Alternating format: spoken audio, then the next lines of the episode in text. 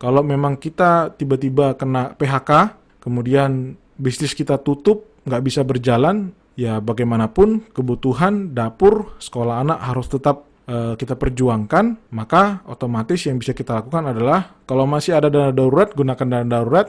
Kalau memang tidak ada, ya mau nggak mau memang kita harus menjual aset.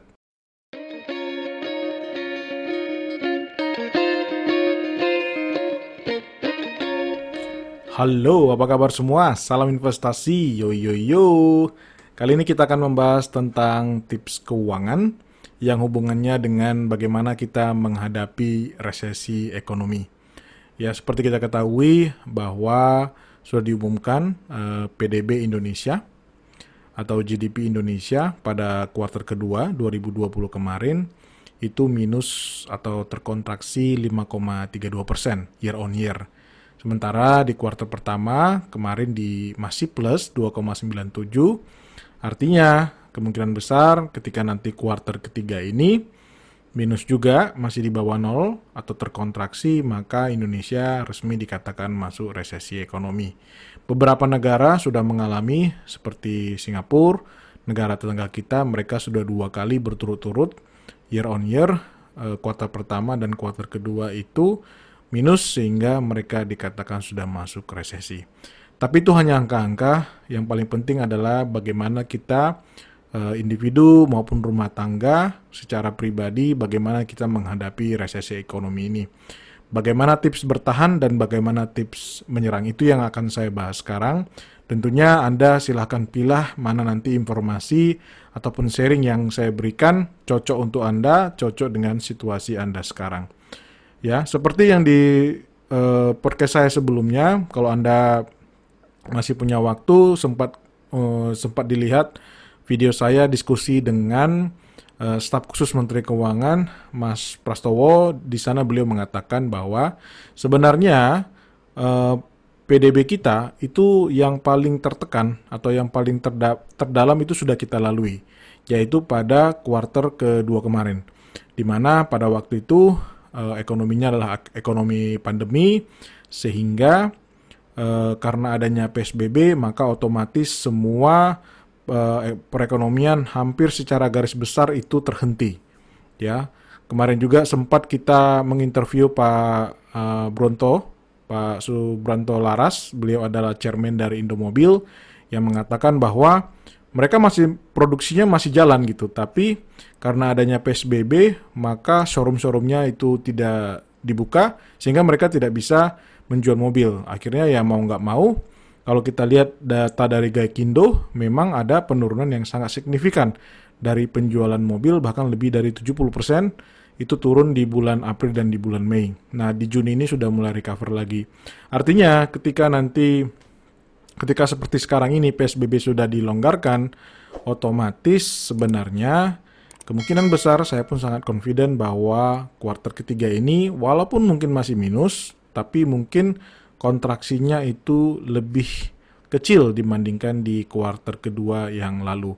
Artinya uh, memang ini adalah lagging indicator ya uh, eh, PDB itu. Kalau Anda uh, bicara tentang lagging indicator ya sudah dijalani dulu baru itu diinformasikan gitu. Jadi sebenarnya sekarang di kuartal ketiga ini ini adalah landasan untuk uh, Indonesia mempersiapkan uh, recover ekonominya, recover ekonominya supaya nanti di kuartal keempat bisa naik lebih tinggi lagi. Demikian juga nantinya di 2021. Nah, salah satu yang perlu kita pahami bahwa di Indonesia, kelebihan kita di Indonesia dibandingkan negara tetangga di Asia Tenggara, kita di Indonesia pertumbuhan ekonomi, kekuatan ekonomi kita itu berada pada konsumsi domestik dan belanja pemerintah. Artinya apa? Itu bergantung dengan internal negara kita. Itulah kenapa uh, banyak uh, lembaga-lembaga keuangan mengatakan bahwa Indonesia akan lebih cepat recover dibandingkan negara-negara tetangga kita di Asia Tenggara, bahkan dibandingkan Eh, negara-negara Asia karena memang domestik kita itu sangat menentukan. Artinya itu bergantung kepada kita, kebijakan dari pemerintah, baik fiskal maupun moneter, gimana caranya supaya uh, konsumsi naik dan belanja atau investasi pemerintah juga kembali naik. Di situlah poinnya kenapa saya pribadi pun confidence bahwa 2021 eh, ekonomi akan melejit sesuai dengan yang diprediksikan oleh IMF maupun World Bank. Apalagi ada kabar baik dari Pak Erick Thohir yang mengatakan semoga nanti di kuartal keempat atau akhir tahun Bio Farma sudah mulai bisa memproduksi vaksin dari COVID-19 maupun di kuartal pertama di 2021. Artinya itu akan memboost up lebih cepat lagi eh, ekonomi akan lebih confidence lagi untuk kembali ke setidaknya posisi di kuartal keempat 2019 yang lalu. Nah, kembali kepada topik kita uh, bicara tentang tips bertahan. Ya, untuk tips bertahan di sini adalah yang pertama yang perlu kita lakukan adalah kurangi pengeluaran besar yang akan Anda gunakan sampai enam bulan ke depan. Jadi misalkan pengeluaran-pengeluaran besar itu renovasi rumah, mungkin mengganti mobil, atau mungkin Anda uh, mempercantik taman. Jadi yang sifatnya tidak urgent ya mungkin anda yang paling tahu lah apa yang rencana-rencana anda dalam enam bulan ke depan. Tapi kalau anda melihat ini pengeluaran besar dan tidak urgent ada baiknya itu ditunda dulu.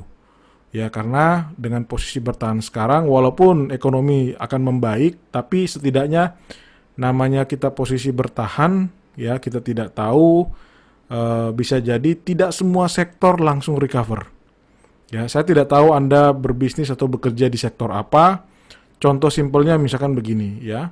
Beberapa sektor mungkin tidak terlalu terpengaruh. Misalkan uh, uh, orang-orang yang bergerak di uh, consumer good misalkan begitu ya atau yang telco telekomunikasi itu mungkin masih oke okay, atau e-commerce. Tapi uh, misalkan yang di pariwisata ya saya dapat informasi dari uh, saudara-saudara saya, teman saya di Bali juga di beberapa tempat tujuan wisata misalkan di Kute ataupun di Seminyak ya itu masih sepi. Ada sih turis e, berapa gitu udah mulai dibuka tapi ya memang orang-orang masih khawatir dengan penyebaran COVID-19 sehingga untuk sektor pariwisata itu tidak mudah untuk bisa langsung recover. Sama juga dengan sektor properti ya. Sekarang bahkan e, banyak orang yang menjual rumahnya dengan e, harga yang miring karena memang membutuhkan cash untuk bertahan. Ya kalau menurut saya namanya kita bertahan ya. Kalau memang kita tiba-tiba kena PHK, ya kita kena PHK, kemudian bisnis kita tutup, nggak bisa berjalan, ya bagaimanapun kebutuhan dapur sekolah anak harus tetap uh, kita perjuangkan, gitu ya. Maka otomatis yang bisa kita lakukan adalah kalau masih ada dana darurat gunakan dana darurat. Kalau memang tidak ada, ya mau nggak mau memang kita harus menjual aset.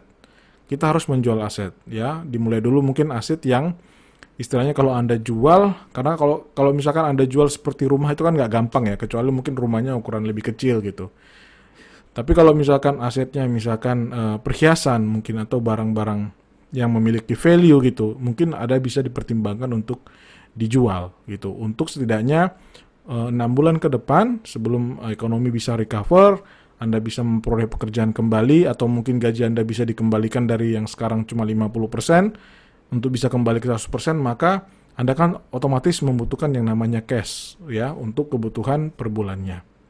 Jadi benar-benar yang kita pikirkan adalah enam bulan ke depan kalau strategi bertahan itu adalah bagaimana setidaknya kebutuhan-kebutuhan uh, primer maupun sekunder Anda itu terpenuhi. Tersiernya lupakan dulu ya. Jadi jangan berpikir dulu untuk mau jalan-jalan, jangan berpikir dulu untuk membeli sesuatu yang lebih ke estetika atau membeli barang-barang yang sebenarnya itu hanya untuk uh, kita pakai sesekali gitu. Jadi itu benar-benar bertahan berpikir bagaimana supaya enam bulan ke depan kita bisa uh, setidaknya keluarga kita masih bisa hidup uh, sesuai dengan kebutuhan. Itu dulu kata kuncinya kebutuhan. Nah, sekarang untuk kalau misalkan berada di posisi yang menyerang, katakanlah bisnis Anda tetap berjalan normal, ya kalaupun ada gangguan sedikit itu tidak terlalu mengganggu dan katakanlah misalkan eh, Anda masih tetap digaji oleh kantor Anda 100% ya bahkan eh, THR kemarin juga masih diberikan artinya kantor Anda masih secara secara keuangan masih sehat gitu ya artinya Anda masih memiliki aset yang tidak mesti harus dijual maka yang bisa Anda lakukan adalah tentunya saat ini adalah uh, pilihan yang baik sekali untuk memperoleh aset dengan harga yang diskon atau value uh, under value. Tidak hanya di pasar modal atau saham, tapi juga sebenarnya di properti. Ya, Anda bisa cek ada juga dari uh, salah satu narasumber kami, Pak Erwin Kalo. Beliau bicara tentang properti, Anda bisa cek di salah satu video di Tagar, beliau menjelaskan bagaimana kriteria untuk memilih properti. Namun pada intinya sekarang itu pilihan banyak, ya pilihan banyak. Di grup-grup WhatsApp bahkan itu banyak sekali yang uh, saya sering juga di apa dikirimkan teman-teman saya yang uh, menjadi agen properti, uh, harga-harga rumah itu turunnya bisa sampai 15-20%, bahkan ada yang 30%. Ya, bahkan di Bali juga banyak tanah-tanah yang saya dapat informasi itu harganya sangat uh, turun lumayan cukup dalam gitu. Jadi kalau Anda punya cash itu adalah opportunity. Tapi ingat, cash ini adalah cash kita bicara benar-benar uang dingin yang mungkin tidak Anda gunakan dalam beberapa tahun ke depan, katakanlah misalnya tiga tahun ke depan. Uh, selain itu, ya kalau memang itu uang dingin, balik lagi ini uang dingin ya, anda bisa beli properti karena kan uh, Anda bisa beli juga di aset seperti saham atau Anda bisa beli di reksadana, ya reksadana saham atau campuran karena IHSG pun sekarang sebenarnya masih di rendah. Bisa nggak IHSG lebih rendah lagi? Bisa nggak saham lebih rendah lagi? Bisa jadi.